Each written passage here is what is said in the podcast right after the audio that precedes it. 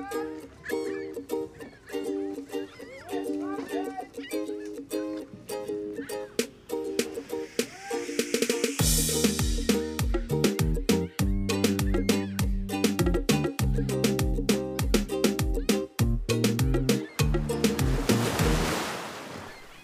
och varmt välkomna tillbaka till AFS Interkulturpodden.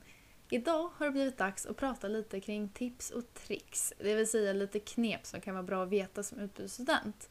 Någonting som jag själv gärna hade hört innan jag åkte iväg på mitt utbytesår till Colombia 2019 till 2020. Mitt namn är Alicia och eh, med mig på distans så har jag Alexandra. Kul att ha dig här! Tack så jättemycket. Eh, Alexandra heter jag då. Jag var i USA, i Wisconsin, i norra eh, land, delen av landet. Samma år som dig Alicia. Och eh, det var verkligen mitt livsäventyr. Ja, verkligen. Och ett utbytesår är absolut det bästa året i livet skulle jag säga. Eh, kan vara lite utmanande ibland men det är ju så himla roligt. Och jag vill ju bara säga Alexandra att det är så himla kul att du är med i det här avsnittet för att jag vet ju om någon så var det ju du som förberedde dig otroligt mycket innan. Så det är ju jättekul. Ja, jag antar det. Alltså, jag skickade in min ansökan eh, ja, men mer än ett år innan jag åkte och började hela processen nästan ett och ett halvt år innan jag åkte iväg. Eh, så att eh, ja, det tog ett tag för mig, minst sagt. Ja, men all cred till dig som var ute i så himla god tid. Men det är ju som sagt en ganska tidskrävande process med hela ansökningsprocessen. Men det som brukar kännas mest överväldigande, eller det som kändes mest, eh, mest tidskrävande för mig egentligen, det var ju det personliga brevet. Och hur lång tid tog du på dig att skriva det egentligen, Alexandra? Ja, nej men det tog mig nog nästan fyra månader, vilket jag vet är väldigt länge. Men jag fick min ansökan någon gång i april 2018 och lämnade in den i juli. Eh, så då lämnade jag in den nästan ett år innan jag faktiskt åkte iväg. Eh, och sen skrev jag ju självklart inte på brevet då i fyra månader. Eh, men, men lite från och till jobbade jag med det och det gjorde att eh, jag hade gott om tid på mig att bearbeta det. Vilket jag tyckte var skönt, för då gjorde att jag fick ju det till det jag faktiskt ville. Och jag fick det att visa den bilden av mig som jag vill, ja men som jag ville att min värdfamilj skulle se helt enkelt. Men jag vet ju att just det där med tiden, det var, det var lite annorlunda för dig, eller hur? Ja, lite så skulle man ju faktiskt kunna säga. Jag vill ju ändå se mig själv som en ganska planerande och organiserad person. Men det kom mycket emellan under den här tiden. Det var mycket i skolan och så var det mycket som hände, bara mycket nya saker. Jag gick i ettan, det var eh, ja, mycket nytt helt enkelt. Så då, då la man ju tid på det och plugget och så. Så det, ja, det slutade ju med att jag bara skrev det på en vecka eller något sånt där. Att jag skrev klart det på en vecka. Så jag var ju ganska stressad egentligen. Men det gick ju bra och det brukar gå bra så också. Men eh, det hade nog inte skadat med lite mer tid. Oj, men eh, hur tyckte du att brevet blev då? Nej men så här, jag är jättenöjd med mitt utbudsår så så fel kan ju inte brevet ha blivit och allt hänger verkligen inte på brevet. Men om jag skulle fått chansen att skriva om det så skulle jag ju dels ha tagit lite längre tid på mig och tänka igenom det och så skulle jag ju, eller mest det jag skulle ändra det är ju nästan dra ner på sockrandet för att jag försökte ju måla upp den här lite perfekta bilden av mig själv för jag var lite rädd för att inte få en värdfamilj. Vilket är ganska fel för de, alltså alla får ju en värdfamilj så det är ju helt onödigt att oroa sig över det egentligen men jag, jag var rädd för att inte få en värdfamilj så därför tänkte jag att ah, jag, är, jag är jättebra, jag är så intresserad av allt möjligt och sådär. Och visst, det, jag skrev ju ingen osanning men det kan ju vara bra att skriva om de här sakerna som, som man kanske är lite osäker om också. Men jag håller helt med. Eh, men samtidigt kan det ibland det kan kännas lite svårt att ta upp de här negativa sidorna och dina svagheter i ditt, i ditt egna personliga brev.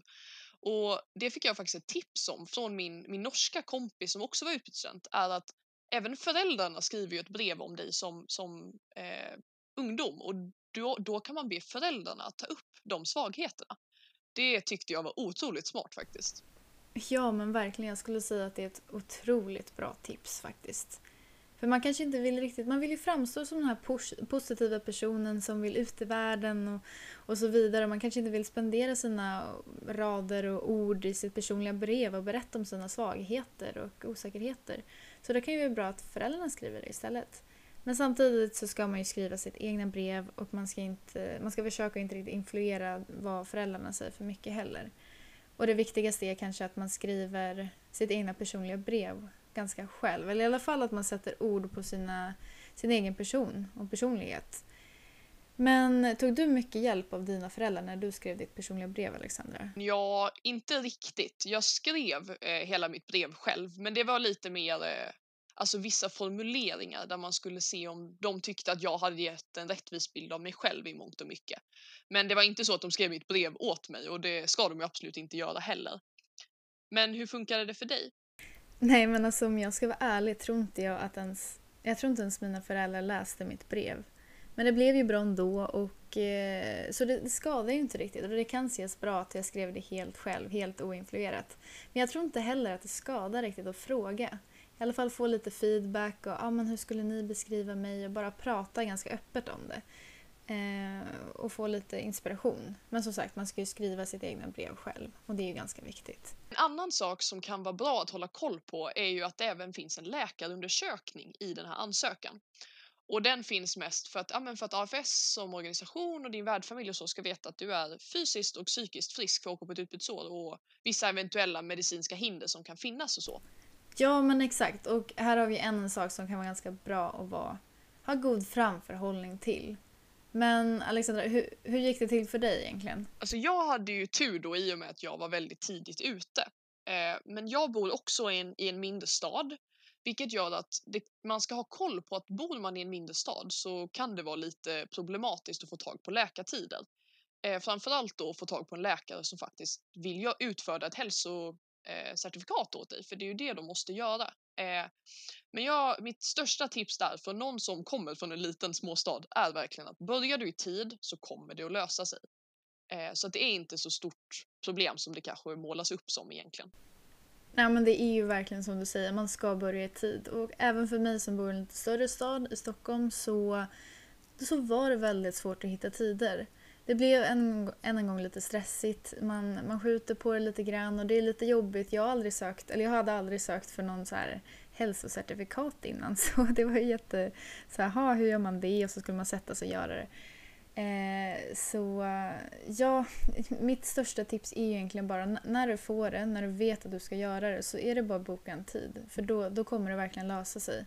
För då kommer du ha tiden. Men om man skjuter på det lite så tänker jag, ja men det är ändå om två månader och sådär. För det, det kan faktiskt ta så lång tid. Eller jag vet inte riktigt, men det, man ska i alla fall vara ute i god tid. Det skadar ju verkligen inte. Men okej då, en vacker dag så kommer man ju vara klar med alla de här pappersarbetena som kanske inte riktigt ses som anledningen varför man vill åka på utbudsår. Men då är det ju nästa moment och då ska man packa. Man sitter där på mattan i sitt rum, det gjorde jag i alla fall med ett hav av grejer. Ska jag ha med mig det här eller det här? Jag vet inte riktigt, man måste tänka på kilorna som man får med sig. Så ja, Alexandra, hur tänkte du när du packade? Alltså först och främst, nu kommer jag låta som världens tidspessimist här, men det är återigen att börja packa i tid. Eh, alltså jag skulle säga flera veckor innan nästan, om inte i alla fall en vecka innan. För att det är ganska mycket grejer som man vill se till att man har hemma helt enkelt. Eh, ett sånt exempel var att när jag åkte till USA så visste jag att de har andra vägguttag än vad vi har i Sverige. Eh, och jag hade bara en adapter. Så för att eh, underlätta och för att slippa köpa flera adaptrar så bestämde jag mig för att men jag ska ta med mig ett grenuttag. Vilket jag tyckte var jättesmart och vilket är en smart idé. Bara det att jag testade ju inte om det här grenuttaget passade på mina svenska kontakter. Så jag kom till USA med ett helt värdelöst grenuttag. Så att hade jag bara tittat på det här lite tidigare så hade det faktiskt löst sig tror jag. Så att eh, börja i tid är nog eh, ett av de första tipsen jag har redan. Ja men verkligen så är det ju. Man ska ju börja i tid. Än en gång, god framförhållning hörni. Eh, men sen så är det också det här att man ska packa rätt mängd.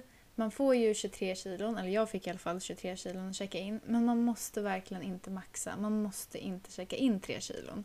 Det ville jag göra. Jag vill ta med, nu har jag 23 kilon, jag ska ta med mig 23 kilon. Och tog med mig lite saker. Så jag bara, men det här kanske jag kan ha. Åh, nu väger det ju bara 22,5 liksom. Ja, men då kan jag ju kanske ta med mig den här tröjan eller den här saken bara för att ha med mig saker.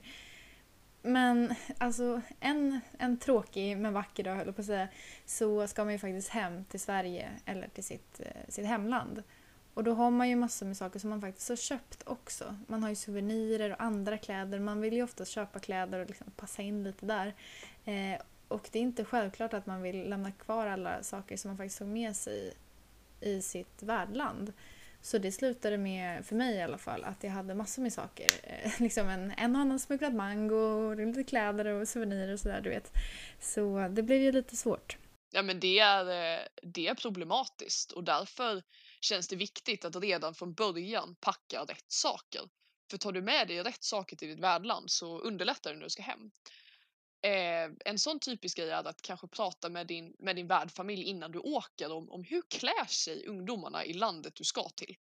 Eh, för att jag packade ner mycket kostymbyxor och blusar och sånt som jag hade haft på mig i skolan i Sverige. Eh, när jag väl kom till USA i den här lilla, lilla byn jag bodde i så visade det sig att alla gick till skolan i leggings och en hoodie. Eh, och jag hade då med mig massa kostymbyxor som jag inte tror att jag satte på mig en enda gång. Och då hade jag på sätt och vis slösat en del av min packning på det. Så jag tror istället att om man pratar med sin värdfamilj innan om men vad är liksom kutym att bära i landet, då underlättar man mycket. Och sen att börja ta med sig basplagg. Alltså, ja men basic, alltså t-shirts typ som man kan matcha med mycket för det gör det väldigt mycket enklare. En annan sak som kan vara ganska bra att fråga om det är det här med kläder efter väder.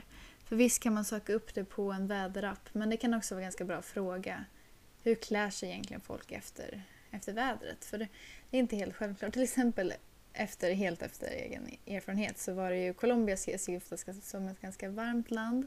Och det tänkte även en fransk kompis som jag har så hon, eh, hon tog ju med sig bara massa shorts och sådär ungefär. Men sen så hon skulle ju bo i, i huvudstaden Bogotá och där är det ganska kallt. Det ligger ju på en altitud av 2600 meter ungefär. Eh, så det, det är ganska kallt. Man har långbyxor och jacka på kvällarna. Liksom. Eh, så det, hon fick ju köpa massa saker där bara, så det löste ju sig. Men det kan ju vara bra, en sån, en sån sak är ju bara bra att fråga. Hur klär sig egentligen folk?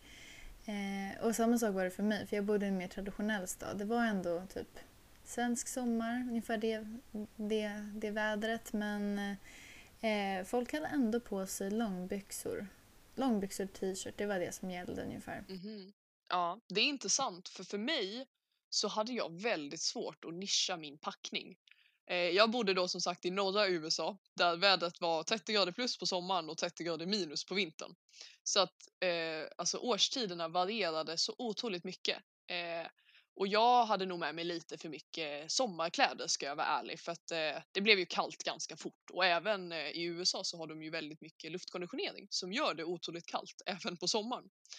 Eh, men det finns ju även smarta grejer att göra där. Eh, jag köpte bland annat en vinterjacka när jag var där för att jag tänkte att det finns ju knappast bättre vinterjackor eh, än de som finns där man ska leva i minus 30 grader. Eh, och den tog jag med mig hem så nu har jag en väldigt bra vinterjacka i Sverige med. Men ja, jag kom bara på det nu Alicia, men bara för att jag är nyfiken. Vad var det mest onödiga som du hade med dig till Colombia? Men åh, det var en riktigt bra fråga måste jag bara säga. Men eh, ja, jag måste tänka lite. Jo, men jag skulle nog säga att eh, jag hade med mig ganska mycket eh, tematröjor. Och speciellt så tänker jag på min kårtröja, för jag var aktiv i skolkåren när jag gick i ettan. Så jag hade köpt den här tröjan, som var, eller t-shirten som var ganska billigt tryck och illgrön var den också. Eh, som jag ville ha med mig till, till Colombia, till andra sidan jorden. Det tyckte jag var lite coolt. Eh, men eh, ingen där kunde ju riktigt relatera till den. Det var liksom så här, Eh, är det där din skoltröja? Och jag bara, ja det är det. Eh, så det slutade egentligen med att den bara låg i garderoben i ett år ungefär. Eh, men den betydde lite för mycket för mig att bara ge bort den. Jag kunde ju skänkt bort den såklart men det, det, det slutade med att den kom tillbaka hem. Så den tog ju bara plats under mitt utbudsår i min packning. Men men, så är det ju ibland. Eh, men Alexandra, nu måste jag bara fråga motsatsa frågan till dig. Vad var det mest användbara som du tog med dig under ditt uppesår? Oj! Eh, för mig var det nog ett decilitermått.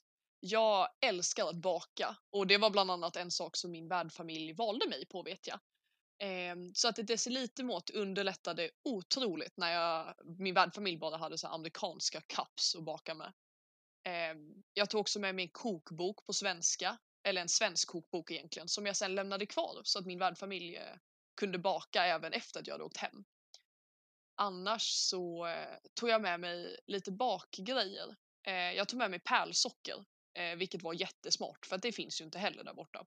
Så att när det kom, närmade sig 4 oktober och kanelbullens dag, då kunde jag baka kanelbullar i, med gott samvete med pärlsocker på riktigt. Eh, men det är faktiskt, eh, ja precis, pärlsocker var, det var hett tips när det kommer till, eh, till just bakning. Men sen saknade jag vaniljsocker. Så det fick faktiskt min värdfamilj, eller min, värd, min familj hemma i Sverige skicka till mig. Ja men precis, samtidigt kan det ju vara ganska svårt att veta vad exakt man kommer sakna. Som decilitermått kanske man vet om, men vaniljsocker det skulle jag inte heller ha någon aning om. Så, men hur gick det egentligen? Fick du något vaniljsocker eller hittade du ens det där? Nej, jag gjorde faktiskt inte det. Eh, jag frågade till och med min hemkunskapslärare om hon visste vad vaniljsocker var. Och hon tittade på mig och bara, nej, det där har jag aldrig hört om. Så att eh, jag fick snällt vänta på att paketet kom från Sverige. Det jag saknade, det var ju saffran.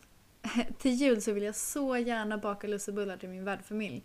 Men det gick verkligen inte att få tag på saffran så det gick ju inte det gick bara inte riktigt att få det här saffransbullar. Eh, jag bad min, mina föräldrar skicka efter det men det kom ju tyvärr inte fram. Eh, men annars så brukar det gå att skicka i paket också. Och det är också ett ganska bra tips är att eh, familjen kan ju alltid skicka saker i efterhand. Eh, så som kryddor och kanske enstaka klädesplagg som man har tappat och så. Eller glömt att skicka med helt enkelt. Eh, men för mig så var det en sak jag verkligen bad mina föräldrar skicka. Eh, och det var handlade om just det här att städa i köket. Eh, för att när jag kom till min värdfamilj och skulle, ni vet så här, torka ur diskhon när man har diskat klart. Då letar jag febrilt efter en svensk disktrasa. Ni vet en sån här liten skumgummi, lite tunn, eh, lätt att ha att göra med. Istället hittar jag en illgrön virkad disktrasa. Alltså av så här tjockt tyg. Den var ju så sur för att den låg ju där och den var ju inte, den blev ju inte torr utan den var ju sur efter en vecka. Och jag vet att det tog inte många dagar innan jag mejlade hem till min, alltså skrev till min mamma hemma i Sverige och sa att kan du snälla skicka en svensk disktrasa? Och det blev faktiskt en stor hit. Min värdfamilj älskade idén om svenska disktrasor. Eh, så det var en toppengrej jag fick skicka till mig. Ja men precis, verkligen. Det, jorden går inte under bara för att man råkar glömma någonting. Men samtidigt så finns det vissa saker som man kan behöva lite mer akut. Och eh, bankkort är ju just en sån sak. Eh, jag hade en kille i min stad som råkade tappa bort sitt bankkort efter några månader och det var ju inte sådär jätteroligt för att eh, han kunde ju inte få, få tag på ett nytt i Colombia utan hans föräldrar fick ju ta och skicka ett, ett till honom och det tog ju några veckor. Så han fick ju leva där med de kontanter som han hade och så fick han ju såklart låna av oss och lite av AFS. Men det, han, ja, det blev ju inte alls lika flexibelt som om man hade ett kort själv.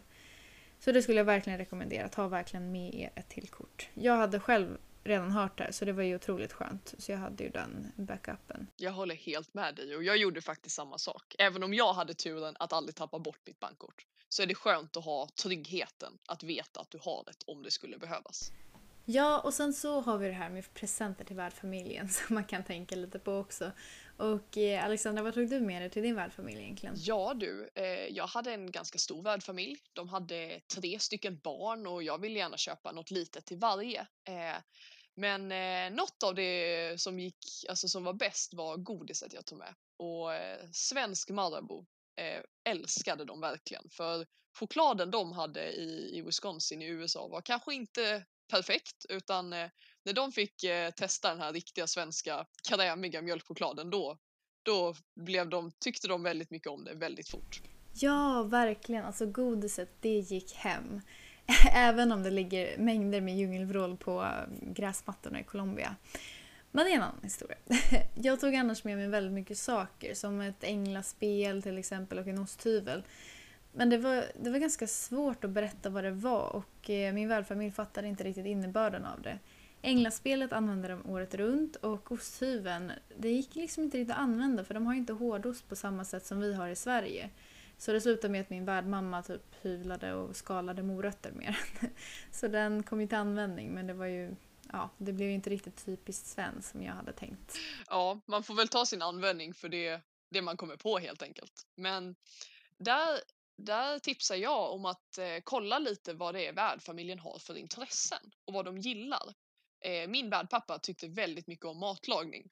Så att eh, jag kom dit med ett älgförkläde alltså ett förkläde med massa svenska älgar på. Och eh, det användes flitigt under hela året så att eh, de eh, tänkte på Sverige när de lagade mat med sitt älgförkläde. Alltså det där är så gulligt måste jag bara säga. Men samtidigt så finns ju verkligen ingen press på att man ska fixa presenter till värdfamiljen. Men personligen så skulle jag säga att det är väldigt uppskattat både för familjen och man vill liksom visa att det är tack, tacksamheten för att de välkomnar en under ett helt år. Så något litet kan man i alla fall ta med sig tycker jag. Och, och inte minst för att visa en smula av Sverige ju. Ja, men eller hur? Det är ju precis det som interkulturellt lärande handlar om. Men okej då, en annan sak som kan vara ganska bra att hålla koll på det är ju det här med försäkringar. För de täcker, alltså AFS försäkring täcker verkligen mer än vad man tror.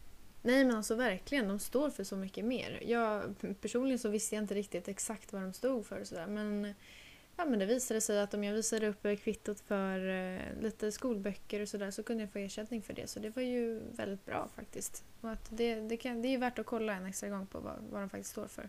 Precis, och jag råkade ut för att eh, faktiskt behöva lite medicin när jag var i USA för jag blev lite sjuk. Eh, men det stod ju AFS också för så att eh, det gäller helt enkelt bara att spara kvittot på det man gör så får man ersättning. Men men man ska ändå komma ihåg att det är ju såklart inte allting man får ersättning för. Men eh, så länge man har lite koll för vad de står för och vad de inte står för och har kvar ett kvitto så kommer det att lösa sig det mesta. Ja men exakt och då gäller det verkligen att spara kvittot för det råkar jag själv ut för med. Det, det handlar inte om så himla mycket men det var liksom, ja, om man, om man råkar slänga bort kvittot så går det ju inte riktigt att få ersättning tillbaka. Men ja, jag tror att det var vårt sista tips för det här avsnittet i alla fall. Det är ju som sagt mycket som ska fixas både innan ditt utbytesår och när du faktiskt är iväg. Men vi tänker att lite tips kring läkarbesök och packningar och presenter till värdfamiljen kanske gör era liv lite enklare i alla fall innan ni åker iväg. Håller helt med och jag kan ju bara säga att jag hade verkligen behövt lyssna på det här avsnittet innan jag åkte iväg på mitt utbudsår. Så jag hoppas verkligen att ni tar med lite tips och tricks och att eh, ert utbudsår blir en smula lättare än vad det hade varit innan. Så glöm nu inte att lyssna på våra andra avsnitt där vi pratar om interkulturellt lärande och hur det är att engagera sig inom AFS. Och om ni har några frågor eller funderingar så är det bara att kontakta oss på vår Instagram där vi heter AFS Interkulturpodden. Ha det så bra så länge, hejdå!